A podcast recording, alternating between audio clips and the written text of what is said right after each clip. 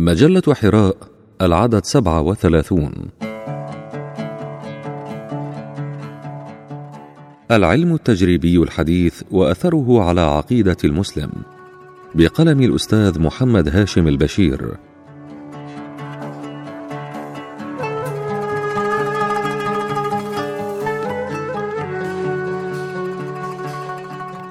كل الآيات القرآنية الداعية إلى التفكير في مخلوقات الله سبحانه وتعالى وحسن تدبيره في الكون حجة على كل من يدعي أن العلم يؤدي إلى البعد عن الله سبحانه وتعالى وأن إعمال العقل يبعد عن الدين وأن الباحث في العلوم الكونية بعيد عن الدين وأن الدين يبعد الموضوعية والعقلانية والتفكير العلمي عن الحياة.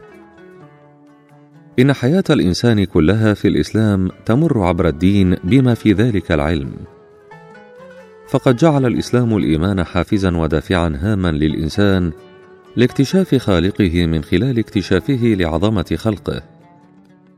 وهذا ما يعرف بدليل الأثر على وجود المؤثر.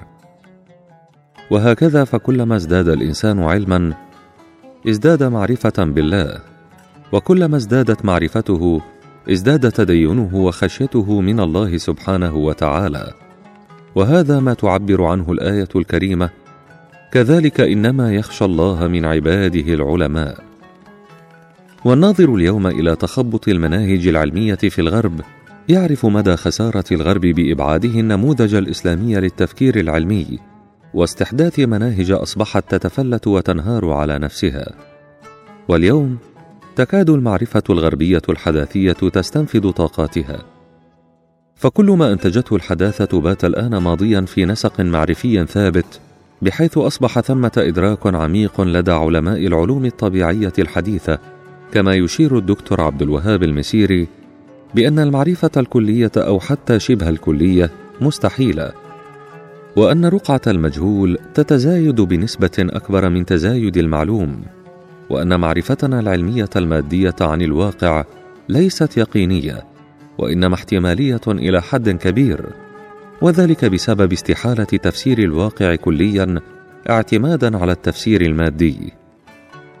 بين العلم والدين من المعلوم أن المعرفة الغربية قد تأسست على موقف عدائي من الدين والمعرفة الدينية بعكس الحضارة الإسلامية التي قامت على مصالحة وتسوية معها تجعل كل المقولات بين العلم والدين المنقولة من السياق الغربي وتاريخه الديني امرا لا معنى له في سياق الحضارة الإسلامية. يقول البروفيسور محجوب عبيد طه ليس هنالك تخوف على الدين من العلم. هذه هي عقيدة المسلم الصحيحة. كثير من الناس من المسلمين وسواهم من أهل المعتقدات الغيبية يظن أن في الأمر حرجا اساسيا وتناقضا واضحا لا سبيل لمعالجته ويحسن أن يغض عنه الطرف. وهذا في الحقيقة وهم كبير وفيه سوء ظن بالعقيدة أو بالعلوم الطبيعية أو بالإنسان وصدق تعامله معها معا ومع الكون والحياة بصفة عامة. ذلك أن الصدق وإخلاص النية وتطهير السريره وتنقيتها هي من صفات الإنسان السوي ومن الخصائص اللازمة للمؤمنين. ولا يتسق ابدا أن يجمع المؤمن في عقيدته ومنهج حياته بين تناقضات ينكر بعضها بعضا.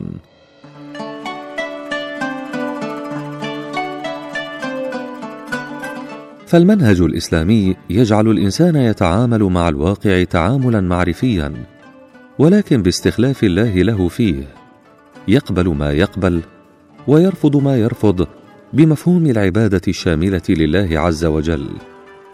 والحس والعقل معا محكومان في أداء دورهما العبادي في المعرفة بالمصدر الموثوق اليقيني والرباني وهو الوحي. ذلك أن الإنسان لا يمكنه الإيمان بالحس دون وجود عقل يحكم بصدق الإحساس. كما أن العقل وإن كان يستند إلى الحس فلا يمكن أن يكون الحس هو الذي يحكم عليه بمحدوديته. والحس والعقل وهما ملك الإنسان والمخلوق العاجز الذي يبتدئ علمه وينتهي ويفنى لا يمكن أن يكون مصدرا وحيدا للمعرفة وإنما لا بد من مصدر لا ينضب ولا يحكم عليه بالمحدودية والفناء وهو المصدر الرباني عن طريق الوحي. ثم يأتي دور العلم والعقل في الحفاظ على العقيدة عبر النظر والتأمل في الكون لالتماس الحجة العقلية التي تدعم عقائد الإيمان. يقول أينشتاين دين بلا علم أعرج وعلم بلا دين أعمى. لهذا يمكننا تبني وجهة النظر القائلة إن الاعتقاد بصحة العلم الطبيعي جزء من الدين لأن العلم الطبيعي يتعلق بالظاهر وتصديق الظاهر دليل العقل والحكمة. ومن لا يقف عند الظاهر ويتأمله ويربط بين أحواله بالتسبيب والتعليل لا ينتظر منه أن يحسن الاعتقاد بوجود الغيبيات وبحقيقة تأثيرها في الحياة. ولذلك فليس واردا أن نسحب الثقة من العلم الطبيعي لأن الإيمان الثابت من العلم الطبيعي هو مقتضى العقل وجزء من الإيمان بصدق الدين. بل إن صريح القرآن الكريم حث على تدبر الكون والكائنات وعلى تأمل خلق الله وإدراك سننه في سلوك المخلوقات وفضل العالمين بهذا على من جهلوه وهو من جوهر العلم الطبيعي ويتم بوسائله ويحقق أهدافه. وفي هذا السياق يقول موريس بوكاي في مقدمة كتابه إن القرآن يذكر انواعا كثيرة من الظاهرات الطبيعية ولكن معرفتي كانت وجيزة. وبفضل الدراسة الواعية للنص العربي استطعت أن أحقق قائمة أدركت بعد الانتهاء منها أن القرآن لا يحتوي على أي مقولة قابلة للنقد من وجهة نظر العلم في العصر الحديث ولا عجب في هذا إذ إن الإسلام قد اعتبر دائما أن الدين والعلم توأمان متلازمان. فمنذ البداية كانت العناية بالعلم جزءا لا يتجزأ من الواجبات التي أمر بها الإسلام.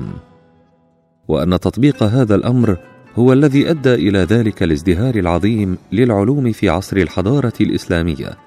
تلك التي اقتات منها الغرب نفسه قبل عصر النهضة في أوروبا العلم التجريبي والأمن الفكري. بهذا يمكن القول إن العلم التجريبي أداة فعالة جدا في تحقيق الأمن الفكري والعقدي لدى الفرد المسلم. وهذه التربية القرآنية الداعية للتفكر والتدبر العقلي بقصد الاستدلال على مسبب الأسباب والخالق الفعلي للأكوان إنما يضع لها الوحي النبوي المبين للكتاب ضابطا مهما وهو عدم تجاوز هذا التفكر العقلي والتأمل ليصل إلى إعمال العقل والتفكر في الذات الإلهية وماهيتها لابتغاء معرفة كنهها لقد حوى القرآن فيما حوى تصورا لجانب من علم الله الشامل ليهتدي العقل البشري به فيرتاد آفاق العالم المعلوم منها والمجهول. فتتسع المدارك ويسطع نور الإيمان المطلق بوحدانية الله سبحانه وتعالى الذي بيده مفاتيح العلوم كلها. ففي الوقت الذي كانت دراسة العلوم الكونية والطبيعية في نظر بعض الشرائع السماوية امرا محرما في العصور الماضية جاء الإسلام ليكون أجرأ من كشف الحجب عن العقل البشري. ذلك الكنز الهائل الذي يحمله الإنسان في رأسه. فأمره بالبحث والدراسة في البر والبحر والتفكر في النفس البشرية لإدراك عظمة الكون التي تنم عن عظمة الخالق وليستفيد من بديع صنع الله عز وجل وينتفع به. مما سبق يتبين لنا أن النتيجة النهائية للإعجاز العلمي هي الأمن العقدي والفكري. قال أعلم أن الله على كل شيء قدير. واعلم أن الله عزيز حكيم.